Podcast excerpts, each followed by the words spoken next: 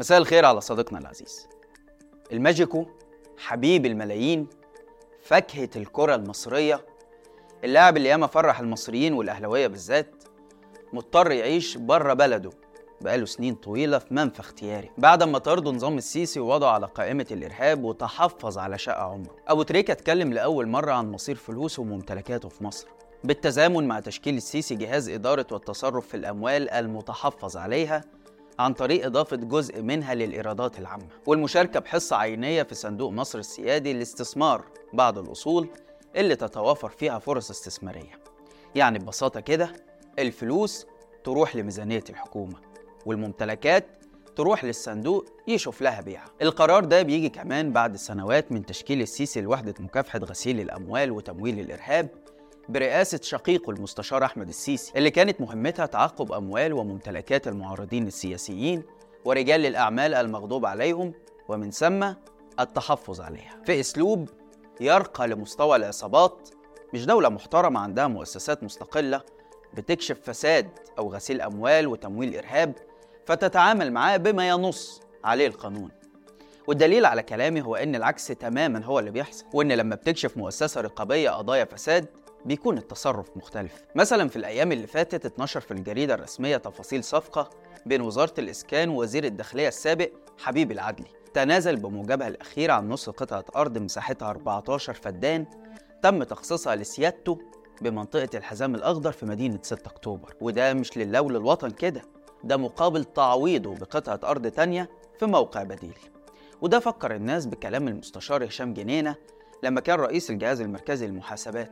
واتكلم عن تخصيص 3000 فدان من أراضي الحزام الأخضر لشخصيات عندها نفوذ في الداخلية وأمن الدولة والجيش والمخابرات بدون وجه حق. وقال بنفسه إن لما فتح القضية دي حس إنه دخل عش الدبابير. وده اللي تسبب في موجة هجوم عليه انتهت بإقالته من السيسي وبعدين شفنا موجة الانتقام منه وصولا لدخوله السجن. بينما خرج حبيب العدل في مهرجان البراءة للجميع. وتصالح مع الحكومة بأنه سدد 2 مليار جنيه هي قيمة الأموال اللي ثبت سرقتها من ميزانية وزارة الداخلية بالإضافة لدفعة غرامة بنفس القيمة عشان بعدها على طول يتلغي حكم بسجنه سبع سنين وتكتفي المحكمة بفرض غرامة قيمتها 500 جنيه مع منح صك البراءة في قضايا الفساد بعد ما اتبرأ في قضايا قتل المتظاهرين. من غير ما حد يسأل هو إزاي ضابط شرطة قضى أغلب حياته في العمل الحكومي يكون معاه مليارات الجنيهات وتحت إيده أراضي اتخصصت له بالأمر المباشر وقت وجوده في السلطة.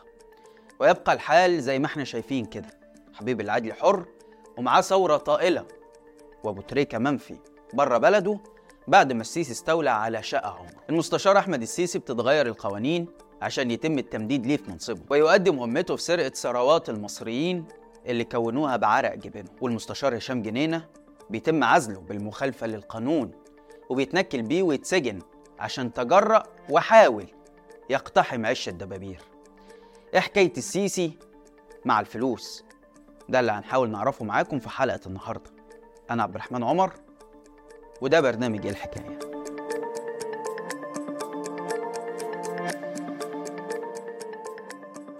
أنت جاتلك بقى الفلوس مش كده؟ مش كده يا دكتور؟ طيب يعني واتحولت لك الفلوس خلاص؟ وفين محافظ البنك المركزي؟ أول مرة أشوفك بتضحك. طب إحنا بقى يعني يا دكتور مصطفى يعني الدكتور معيط مش موجود مش كده؟ طب الحمد لله. طب إحنا يا دكتور مصطفى لازم ناخد آه، يعني هبرة نحطها في الصندوق. أهلا بيكم اللي شفناه ده حوار بين رئيس جمهورية مصر ورئيس حكومة مصر ومحافظ البنك المركزي. وبيلخص لنا طريقة تعامل السيسي مع الفلوس اللي تتسم على أقل تقدير بغياب الشفافية والتخطيط. يعني على الهوا كده وهو واقف بيقول لرئيس الحكومة إحنا عايزين هبرة من فلوس صفقة رأس الحكمة عشان صندوق دعم ذوي الهمم وبعدين يسأله هتدفع كام؟ فرئيس الحكومة يقول له اللي تؤمر بيه يا فندم. ولما يلح عليه يقوم يقول له مليار جنيه كويس لكن السيسي ما يكتفيش بالرقم ده ويقول له مليار إيه يا راجل؟ ده انت جايلك مئات المليارات. بيحاول بقى هو في دماغه كده ال 24 مليار دولار اللي جايين من الصفقة فيلاقيهم عاملين 750 مليار جنيه ولا حاجة. وبعدين بينتهي الحوار بإن السيسي يظهر كرمه وعطفه وإنسانيته لما يوجه بإن الحكومة تحط 10 مليار جنيه للصندوق اللي المفاجأة إن مدبولي نفسه هو رئيس مجلس إدارته طبعا محدش يزعل من تخصيص المبلغ ده وأكتر كمان لدعم ذوي الهمم بس السؤال هل فعلا الفلوس دي بتروح لذوي الهمم؟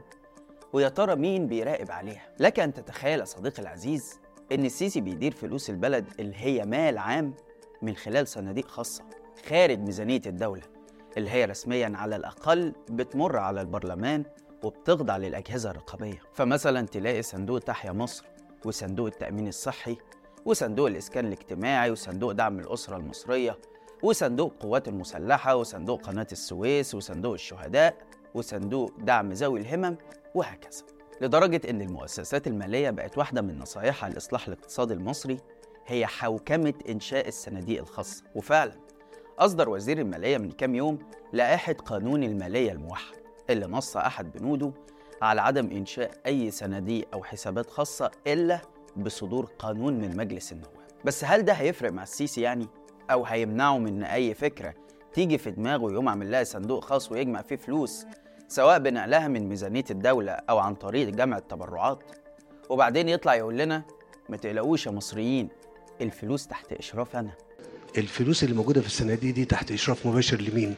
الجهاز المركزي. لا. أنا لا بالمناسبة الصناديق دي كلها محدش يقدر يصرف جنيه إلا لما يقول لي. وانتوا ما تعرفين شاف الفلوس عاملة إزاي. السيسي بيعتبر إن الصناديق اللي بره ميزانية الدولة دي فكرة عبقرية منه. وده مرتبط بتصوراته حوالين الفلوس اللي هي من وجهة نظره أهم حاجة في الدنيا. وعشانها ممكن يبيع بلده حرفيا. يبيع بلده إيه؟ ده ممكن يبيع نفسه هو. ما هو صاحب الجملة السريالية بتاعت والله العظيم أنا لو ينفع أتباع لاتباع ودينا أهو شايفينه النهارده طالع فرحان قوي بصفقة بيع مدينة كاملة زي رأس الحكمة ومعتبر إن الإمارات بتعطف علينا وإن ملهاش مصلحة من الموضوع. وأول ما الدفعة الأولى من الفلوس وصلت ما استناش وبدأ يوزعها على صناديقه الخاصة بدون أي دراسة أو تخطيط. والدليل على كده إن الصندوق اللي وقف السنة اللي فاتت يجمع له مليار جنيه بالعافية ومن صناديق تانية كمان رايح النهارده يخصص له 10 مليار جنيه. بدون ما يعرفنا هو الصندوق بيستثمر الفلوس دي فين؟ ويا ترى بيكسب ولا بيخسر؟ والفلوس اللي بتيجي دي بتتصرف على إيه بالظبط؟ وده يأكد لنا إن العقلية ما اتغيرتش وإن فلوس رأس الحكمة دي هتتفرتك في ظرف كام شهر. ونرجع تاني ندور على حاجة تانية نبيعها. وزي ما قلت لك اوعى تخدعك اللقطات المؤثرة ودموع السيسي مع الأطفال. وهو بيقول لهم أوعدوني قدام الدنيا كلها يوم القيامة تقولوا ربنا ياخدني معاكم الجنة. لأن الفلوس اللي بتروح الصندوق دي مش شرط خالص تتصرف على أصحاب الهمم بل الحقيقة إنها ما بتتصرفش عليهم أصلا. لكنها بتروح لإدارة الصندوق عشان تتصرف فيها بطريقة اقتصادية وتستثمرها بالشكل اللي هي تشوفه. بينما إحنا عارفين كويس إن أصحاب الهمم لا بيتعينوا في الحكومة وفق النسبة المقررة قانونا ولا وزارة التضامن بتصرف لهم معاشات تعيشهم حياة كريمة في ظل موجات الغلاء. انت بتتكلم في 560 جنيه تقريبا وكمان الحصول عليهم بيتطلب شروط معقدة جدا. زي مثلا إن الشخص المعاق ده ما يكونش عنده أي حيازات أو سيارة حتى لو كان وارثهم وإنه لو متزوج ما يكونش حد من أبنائه في مدارس خاصة وان ما يكونش بيتبعت له تحويلات مالية من الخارج حتى لو حد من أهله بيبعتها ليه على سبيل المساعدة مثلا. يعني من الآخر كده العشرة مليار جنيه دول طلعوا من ميزانية الدولة وأصبحوا تحت تصرف السيسي. يعمل فيهم بقى اللي هو عايزه من غير أي رقابة أو مساعدة فرحة السيسي بفلوس رأس الحكمة تخلينا نتوقع إنه ما يتأخرش كتير في بيع منطقة رأس جميلة اللي الأشقاء السعوديين حاطين عينهم عليها. وقدموا عرض لشرائها مقابل 15 مليار دولار عشان يؤسسوا عليها منتجعات سياحية ومدينة ترفيهية بالإضافة لسلسلة من الفنادق ومراكز التسوق بحسب موقع المنصة فعرض المملكة تضمن أن الفلوس يتم توريدها مباشرة للحكومة المصرية بس بشرط عدم التنازل عن الودائع السعودية في البنك المركزي واللي بتزيد قيمتها عن 5 مليار دولار. طبعا إحنا عارفين أن صفقة رأس الحكمة تضمنت دفع 24 مليار دولار مع التنازل عن الودائع الإماراتية في البنك المركزي ودي قيمتها 11 مليار دولار. بس برضه في تفصيلة صغيرة كده مهمة ناس كتير بتفوتها وهي التزام الحكومة المصرية بتحويل المبلغ ده إلى الجنيه المصري واستخدامه في تمويل الاستثمار في المشروع. منطقة رأس جميلة بقى بتبلغ مساحتها 860 ألف متر وموجودة على ساحل البحر الأحمر ضمن محافظة جنوب سيناء وبتتميز بقربها من مطار شرم الشيخ الدولي والأهم إطلالتها على جزيرتي طيران وصنافير اللي تنازل عنهم السيسي للسعودية. الخطير في الموضوع أن تقارير سعودية اتكلمت عن رغبة المملكة في إنشاء جسر عبر البحر الأحمر وضم أجزاء واسعة من جنوب سيناء لمدينة نيوم يعني عايزين يفتحوا البلدين على بعض بحيث تكون كل المساحة دي تحت سيطرة السعودية اللي هتشتري الأرض بفلوسها. وعلى عكس رأس جميلة اللي قريبة من مطار شرم الشيخ فالحكومة كشفت لنا مفاجأة جديدة في صفقة رأس الحكمة. اللي طبعا لسه هنكتشف مفاجأتها خلال الشهور والسنين اللي جاية. لأننا ببساطة عايشين في بلد ما فيهاش أي شفافية ولا اعتبار لرأي الشعب اللي لا اتعرضت عليه الاتفاقية ولا حد استنى موافقته في كل صفقات البيع اللي بتحصل دي. المفاجأة يا صديقي إن حكومتنا الموقرة اتفقت على منح شركة أبو ظبي القابضة اللي هي تابعة لطحنون بن زايد حق إنشاء مطار دولي خارج أرض المشروع المقدرة ب 170 مليون متر مربع على أن يكون للدولة المصرية حصة من عوائد هذا المطار وبمناسبة الكلام عن المطارات فالحكومة أعلنت أنها بتستعد لطرح مزايدة عالمية لإدارة وتشغيل كافة المطارات المصرية بما فيها مطار القاهرة الدولي. يعني هنجيب شركات أجنبية تيجي تشغل لنا المطارات لأننا ناس فشلة. وهو برضه نطلع منها بمصلحة. إحنا أثبتنا في إدارتنا خلال ال 40 سنة اللي فاتوا إن إحنا غير أكفاء. في إدارة المشاريع بتاعتنا. في مصر السيسي كل حاجة بقت للبيع. المصري اللي اتربى على فكرة إن الأرض عزيزة وإن لو باعها الناس تعايره بقى مطلوب منه النهاردة يفرح ويهلل لكل صفقة بيع. طيب حتى حذفوا وبريت عواد باع أرضه اللي موجود لغاية النهاردة على موقع الهيئة الوطنية للإعلام واللي بيحكي قصة فلاح تراكمت عليه الديون بعد ما ضيع فلوسه على ملذاته لغاية ما اضطر يبيع أرضه اللي ورثها عن أبوه. فكان الأطفال يزفوه ويقولوا عواد باع أرضه يا ولاد شوفوا طوله وعرضه يا ولاد. ورغم إنها أرضه وهو حر فيها إلا إن الناس خدته مثل وعبرة للشخص اللي بيبيع الغالي بالرخيص عشان يبقى الدرس في النهاية إن الأرض أرضنا عن أبونا وجدنا وبكرة ولا بعده لعيالنا بعدنا. أو بطلوا عرض فيلم عايز حقي اللي بيحكي قصة صابر. شاب قرر يبيع بلده كلها في مزاد عام عشان يطلع له قرشين يخرجوه من أزمته المالية. رغم إنه حتى في الفيلم الراجل جمع توكيلات من الشعب. يعني حتى في أسوأ تخيلات المؤلفين محدش افترض إننا ممكن نشوف شخص يبيع أرض أو بلد من غير ما ياخد موافقة الناس. بس ناس مين؟ حكومة السيسي بتشوف مواطنيها مجرد مصدر دخل والدليل إنه مدبولي وصف أهالي رأس الحكمة بالموجودين على الأرض. ووعد بأن الدولة ملتزمة بأنها تقعد معاهم وتقدم لهم تعويض مادي وكمان من كرمه عليهم هيبني لهم تجمعات سكنية جنوب الطريق الساحلي الدولي وينقلهم هناك. تعهد مدبولي الواضح والصريح اللي أكد عليه أكتر من مرة مش هدفه طمأنة الأهالي ولكن طمأنة المستثمر الإماراتي اللي مش عايز يدخل في مشاكل ونزاعات ملكية. لكن الأخطر إنه بيكشف نظرة الحكومة للشعب وكأنهم مجرد ناس تواجدوا بمحض الصدفة على الأرض دي اللي لو طلبها المستثمر نشيلهم منها فورا ونوديهم أي حتة تانية.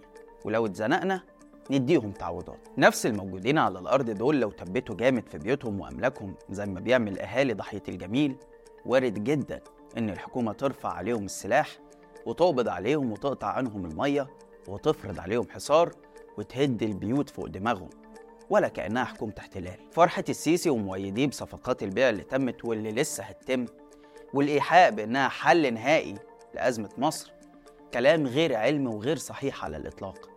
وبيتناقض مع أبسط الحقائق والأرقام اللي المتخصصين بيتعاملوا معاها. على سبيل المثال الباحث الاقتصادي عمرو عدلي بيقول إن معجزة التسعينات الخاصة بإعفاء مصر من ديونها غير قابلة للتكرار. تعال نشوف الأول اللي حصل في التسعينات. سنة 1989 وصل الدين الخارجي لمصر 50 مليار دولار. وكان الكل وقتها بيشوف إن الخروج من أزمة الديون دي محتاج معجزة. لكن المعجزة اتحققت بعد شهور قليلة من مشاركة مصر في حرب تحرير الكويت واللي قبضت ثمنها إعفاء وإسقاط وإعادة جدول الديون. خلال الحرب أمريكا أسقطت 7 مليار دولار من ديون مصر وتنازلت دول الخليج عن 6 مليار تانية. وفور انتهاء الحرب قادت أمريكا بنفسها مفاوضات نادي باريس مع 17 دولة من كبار الدائنين وانتهت بإسقاط 20 مليار دولار وإعادة جدولة الباقي على 25 سنة. السيناريو ده مستحيل يتكرر تاني دلوقتي لأسباب اقتصادية قبل ما تكون سياسية. خليني أقول لك إن نصيب دول الخليج من الدين الخارجي المصري لا يتعدى 30% بس في حين إن أغلب ديوننا هي لمؤسسات دولية متعددة الأطراف زي صندوق النقد الدائن الأكبر لمصر. والمؤسسات دي لا تسمح بإجراءات زي إعادة الجدولة أو الهيكلة. فما بالك بقى بالإلغاء أو الإعفاء؟ 40% من خدمة الدين المطلوب سدادها في 2024 هي لمؤسسات دولية من النوع ده. ودول بيكملوا معاك. يعني مش قادر تسدد؟ طيب خد قرض جديد أهو سدد منه فوائد الديون القديمة وبيضغطوا عليك أكتر عشان تستجيب لشروطهم الخاصة بتحرير قيمة العملة ورفع الدعم وبيع الأصول. كمان 34% من خدمة الدين السنة دي هي لديون غير مجدولة. يعني متفق عليها من البداية إنها لا تخضع لأي اتفاق إعادة جدولة ودي أغلبها مع بنوك أجنبية. بالتالي الديون القابلة لإعادة الجدولة لا تمثل نسبة كبيرة من الالتزامات المطلوب سدادها وده يختلف عن طبيعة الديون اللي كانت في بداية التسعينات. في النهاية هبرة السيسي بتدينا إشارة لاستمرار الجنرال في نفس سياسة البعزاء والإنفاق غير الرشيد وغير المخطط ليه. وده معناه زي ما قلنا إنها كلها كام شهر وفلوس رأس الحكمة ورأس جميلة تخلص. ونرجع تاني ندور على حاجة نبيعها. بس كده لحد هنا والحلقة خلصت. شارك الحلقة لو عجبتك وتابع حساب شباك وحسابي على الانستجرام هتلاقي اللينك في الوصف. واستنانا كل يوم اتنين وجمعة الساعة 7 بالليل بتوقيت القاهرة في حلقة جديدة من برنامج إيه الحكاية. سلام.